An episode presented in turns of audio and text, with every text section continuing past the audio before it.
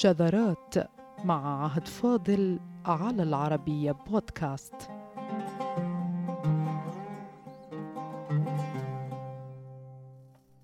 ليس من السهل على اللسان العربي أن يبني كلمة من حرف واحد كالقول ددد بحرف الدال المتكرر ثلاث مرات.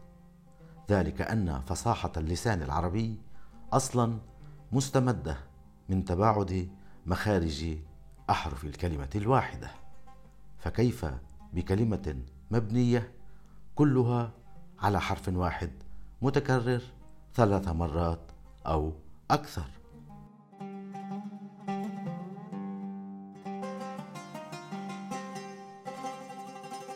يتعامل اللغويون والنحويون بحذر باد أيها السادة مع تلك الكلمات المعدودات المبنيات من حرف واحد متكرر أو كما يقول أهل العربية من الجنس نفسه فالبعض منهم يصرف النظر عن مثل تلك الكلمات ولا يضعها في معجمة فيما بعضهم الآخر يثبتها ويوضح سبب اعتمادها والآلية التي جعلت اللسان العربي يبني كلمة من جنس واحد.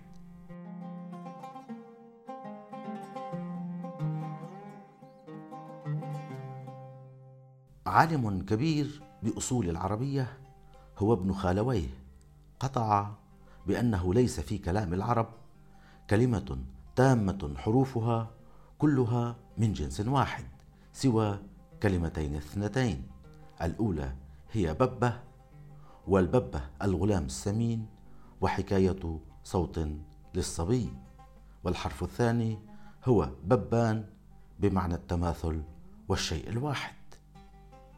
أما البب أو الببب فقد وردت في بيت شعري يقول يسوقها أعيس هدار ببب إذا دعاها أقبلت لا تتئب.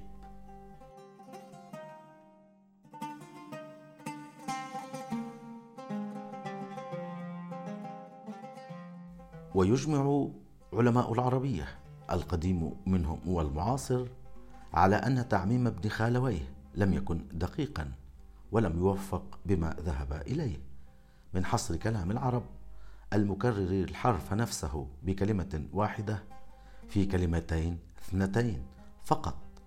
ذلك أن هنالك كلمات أخرى تامة حروفها كلها من جنس واحد غير الذي قطع به ابن خالويه وهي على قلتها الشديدة قد درجت على لسان العرب ككلمات حروفها من جنس واحد كما يحب أهل العربية الكشف.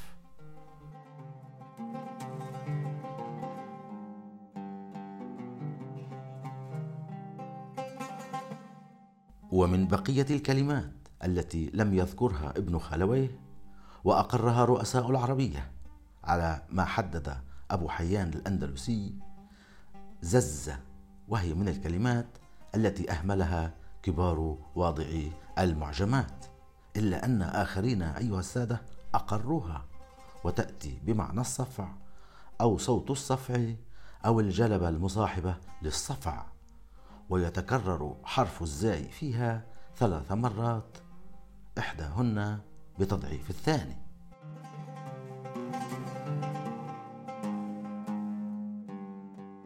والكلمة الأخرى التي يتداولها كبار اللغويين والنحويين وواضعي المعجمات ققق ومنها الققه. وفي ققق كلمة مبنية على حرف من ذات الجنس بحسب ما اتفق كبار العربية ورؤساؤها ومنهم أبو حيان الذي أدرجها في ارتشاف الضرب من لسان العرب كواحدة من الكلمات شديدة الندرة. في العربية تكون فاؤها وعينها ولامها من جنس واحد والفاء والعين واللام هما قياس الفعل أو فعل الفاء للأول والعين للثاني واللام للثالث وهكذا.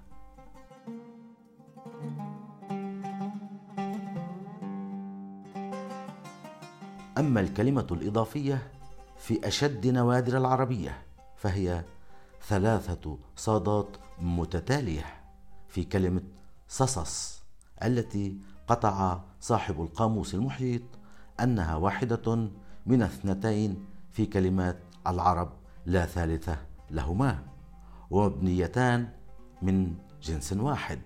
أما الثانية بتأكيده الذي يناقضه نحاة ولغويون كبار عليها فهي كلمة ققق التي سبقت الإشارة إليها في أول الكلام عن الموضوع.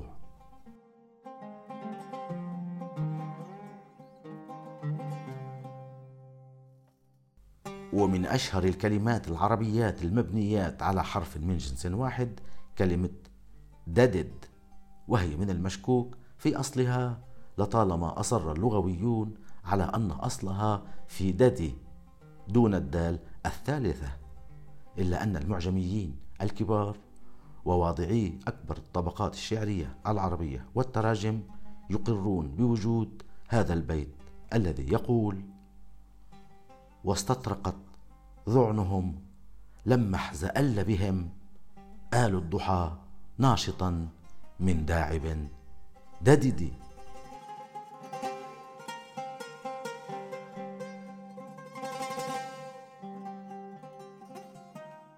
ثم تأتي آخر تلك الكلمات التي عدها كبار العربية بأنها من المبنيات على حرف من ذات الجنس فهي كلمة هها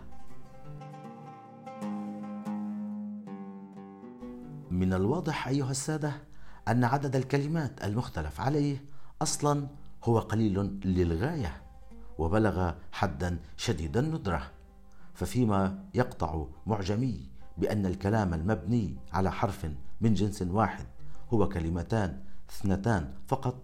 يأتي معجمي آخر ويقول أربع كلمات ويأتي أبو حيان ليؤكد أن عدد تلك الكلمات هو سبع ويقول إن هذه الكلمات هي المحفوظ من ذلك أي أنها هي المعروفة بتلك الخاصية النادرة من بناء الكلمة من أحرف من جنس واحد.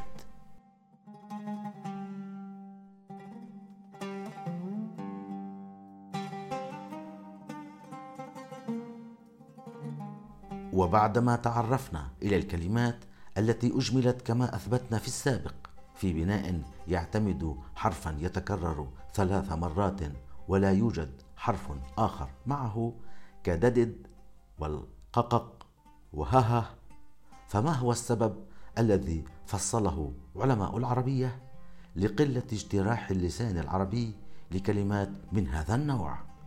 وما هي معاني تلك الكلمات أصلا؟ والتي استطاعت أن تتشكل على الرغم من وجود مانع في طبيعة اللسان العربي يمنع من حصولها.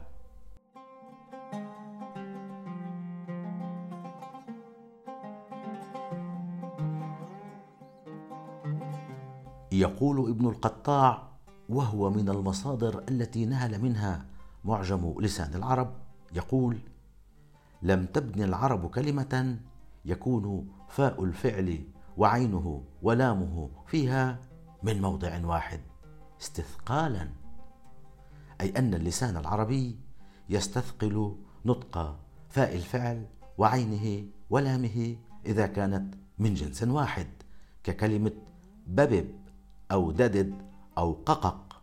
وهذا هو السبب الذي حدا بمعجميين كبار إلى إهمال غالبية تلك الكلمات.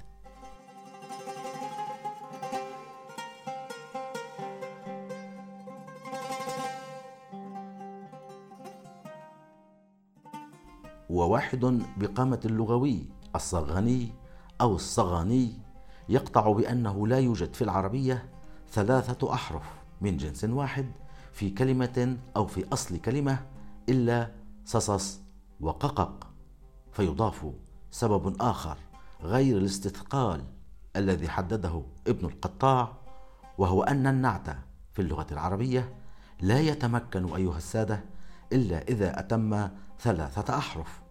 في كلمة ددد. مثلا على أن أصلها الفصيح هو ددي باثنتين فقط وإنما أضيفت الدال الثالثة لتصبح الدد متمة ثلاثة أحرف فيكون النعت تاما. فقال ددد كنعت للفتاة الداعب كما يفصل الأزهري في تهذيبه.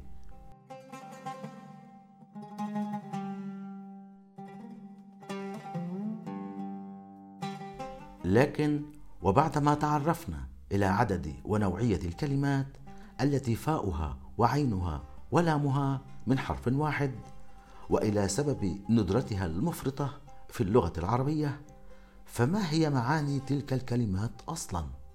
وهل تقودنا معانيها إلى تلمس سبب إضافي لكونها اخترقت جدار اللسان العربي على الرغم من استثقاله لنظام تكرارها الحرف نفسه.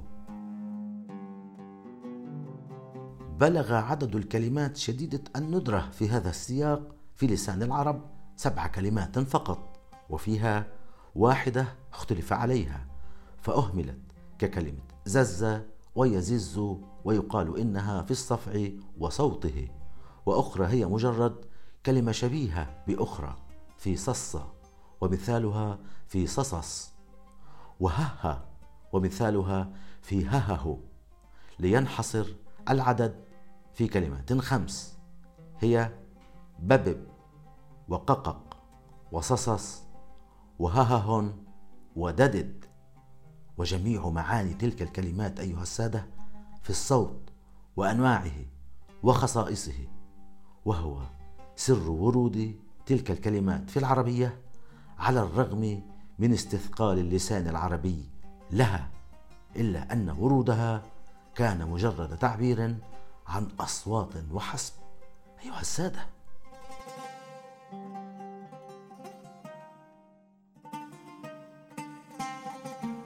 فكلمة ببب تعرف بأنها حكاية صوت الصبي. وفي أمكنة لدى أمهات العربية فإن ترقيص الأم ابنها لعبا واسعادا هو ببه ومنها ببب ولو أشير إليها في أمكنة أخرى إلى أنها الغلام السمين إلا أن الأكثر والغالب فيها بأنها حكاية صوت الصبي. ففيه نوع من القرقرة يقال بب بب وتختصر إلى ببب في صوت الصبي. وبعض ممن سمي عند العرب ببه قيل. إن أمه سمته بذلك الاسم لأنها كانت ترقصه بذلك الصوت. وببه حكاية صوت الصبي. وانتهى اللسان في ببب. إذا أيها السادة بقي لسان العرب مستثقلا لكلام مادته من جنس من حرف واحد إلا أنه قبلها عندما كانت الكلمة هي مجرد صوت كصوت لا كلمة لا كلفظ يقبل الصرف أو التفعيل أو اسم الفاعل.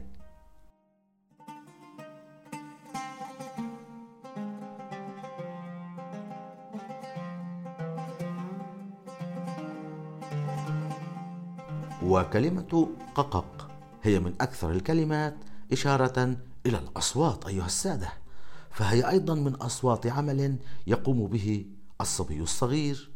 كما أنها من أصوات طير تتشاءم منه العرب. وكذلك فإن الققق كلمة زجر تصوت بها الأم لصبيها الحدث وكذلك هو شيء يتردد على لسان الصغير قبل أن يتعلم الكلام. إذا لا زالت العربية منتصرة برفع لواء رفض كلام مبني على حرف من جنس واحد لكنه الصوت والصوت وحده هو الذي سمح لهذه الكلمات الخمس بالظهور كما سنرى أيضا.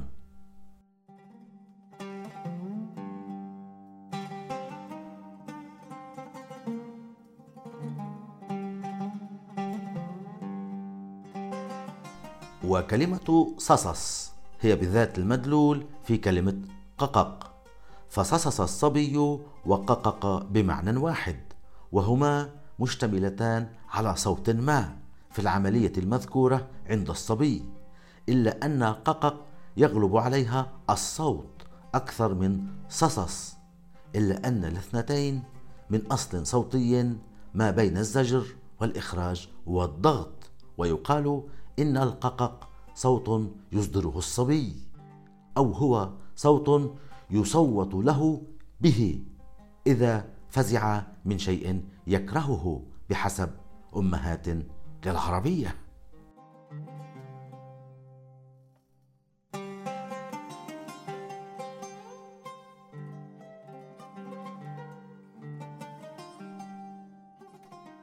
وكذلك كلمة هاهون فهي من أنواع احتباس الكلام في اللسان أيها السادة وهي أقرب إلى الحبسة التي كان إمام العربية سيبويه مصابا بها. وهاهون عجز في النطق وهو من أمراض النطق أي أن الأمر لم يخرج بعد من إطار الصوت أيها السادة. ذلك أن العربية منطقية في تركيبها الداخلي وما يرفضه لسانها لا يكون كلاما بل يكون مجرد أصوات يتتابع فيها حرف واحد. فتأملوا أعزائنا لهذه الهندسة الداخلية العميقة في اللغة العربية.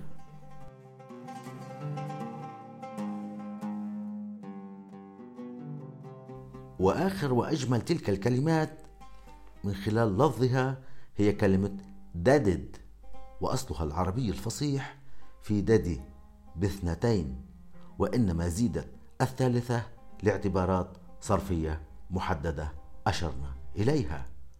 والدد هو المرح واللعب أيها السادة بل هو نوع من اللعب غير المحبب لأنه يشير إلى فوضى وجلبة وقلة قدر وعلى ذلك فإنه لابد وأنه لعب مصدر لجلبة وضجيج يتضجر منه الكبار وأصحاب الرتب الاجتماعية الرفيعة.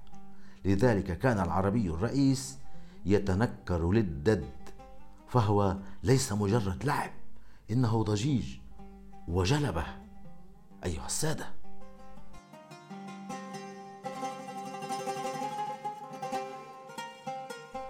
وهكذا فنحن لازلنا في الصوت أيها السادة.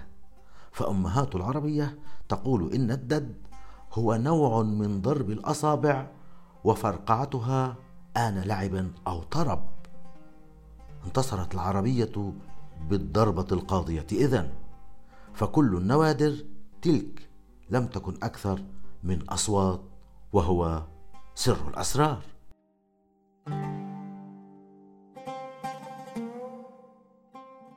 يقول الأزهري في تهذيب اللغة الدد هو الضرب في الأصابع للعب. اعزائنا لكنها تقال أحيانا دأدأة لأن اللسان العربي يستثقل صرف الحروف الثلاثة المتكررة بل إنها تمتنع فيه خاصة في خام الكلمة فيبدل دالا منها بهمز تسهيلا فتقال دأدأة. دائما ما ينتصر اللسان لأنه منطقي في طبيعته فما رفضه استثقالا لنطقه وصرفه قبله لأنه لم يكن أصلا كلمات. ولهذا سنوضح لكم أعزائنا وفي الحلقة القادمة حقيقة أشهر معلومة في تتالي الحروف العربية بكلمة واحدة قيل إنها تكرر خمسة أحرف متتالية. ونبين لكم الخطأ الذي ارتكب فيها حتى غدت أشهر من نار على علم مع أنها مجرد خطأ. وبالدليل اللغوي والتاريخي فالسلام عليكم.